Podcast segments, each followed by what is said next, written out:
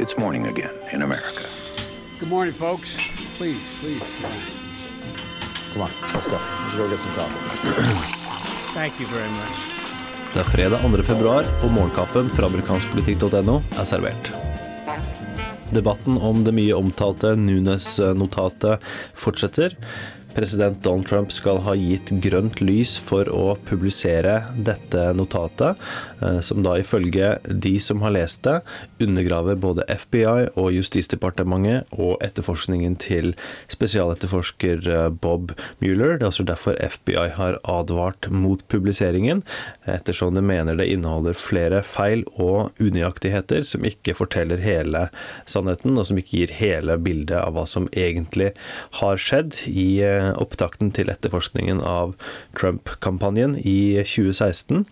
Uh, uansett, um, på tross av mange republikanere har vært skeptiske, uh, inkludert tidligere da også speaker of the House Paul Ryan, så har Ryan da nok en gang omsider tilpasset sine meninger her, og mener nå det følgende om publiseringen av dette Nunes-notatet.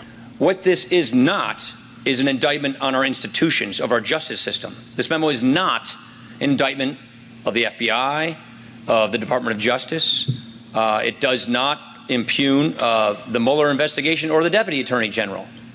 What it is, is Det rapporteres samtidig om en viss uro innad i Det hvite hus, ettersom mange som har lest dette, mener at det ikke er så tydelig i sine konklusjoner som mange av de som ønsker publiseringen kanskje har fått inntrykk av, og at man da kanskje kan gjøre vondt verre, og at man kanskje kan irritere på seg mange både i FBI og Justisdepartementet ved å publisere dette, mens man da kanskje ikke har så mye å tjene på det allikevel.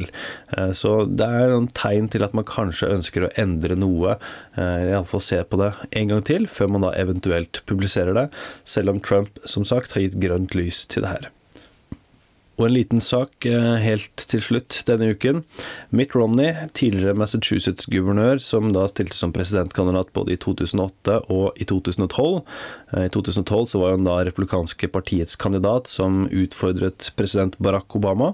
Mitt Romney er jo da mormoner og holder også til i Utah. Og det har lenge vært varslet at han vurderer å stille som senatskandidat for Utah, for dermed å melde seg tilbake igjen i nasjonal politikk.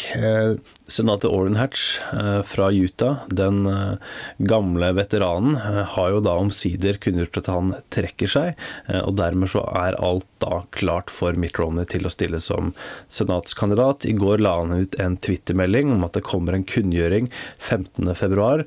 Vi forventer at det blir en kunngjøring av hans senatskandidatur for Utah. Det er da nok en potensielt kritisk Trump-stemme som kan komme til senatet på republikansk side, mens Orrin Hatch da har vært veldig positiv og støttende til Trump. Så det blir fascinerende å følge den valgkampen. Ukas siste utgave av Morgenkaffen er iallfall servert av Eirik Haugen og undertegnede Are Togoklaten. Du leser mer om disse og andre saker på amerikanskpolitikk.no, inkludert en utvikling i Russland-etterforskningen. Du finner Morgenkaffen i Spotify, iTunes og andre podkast-apper sammen med Ampolkast. Helt til slutt her så skal vi høre et utdrag fra traileren til Mitt, denne fantastiske dokumentaren om Mitt Romney og hans forsøk på å nå Det hvite hus, som er tilgjengelig på Netflix, og som anbefales i helgen. God helg, og så snakkes vi på mandag.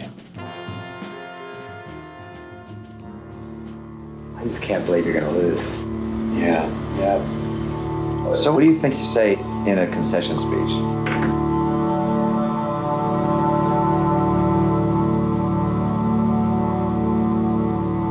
By the way, someone have a number for the president? I do. Okay. Hadn't thought about that.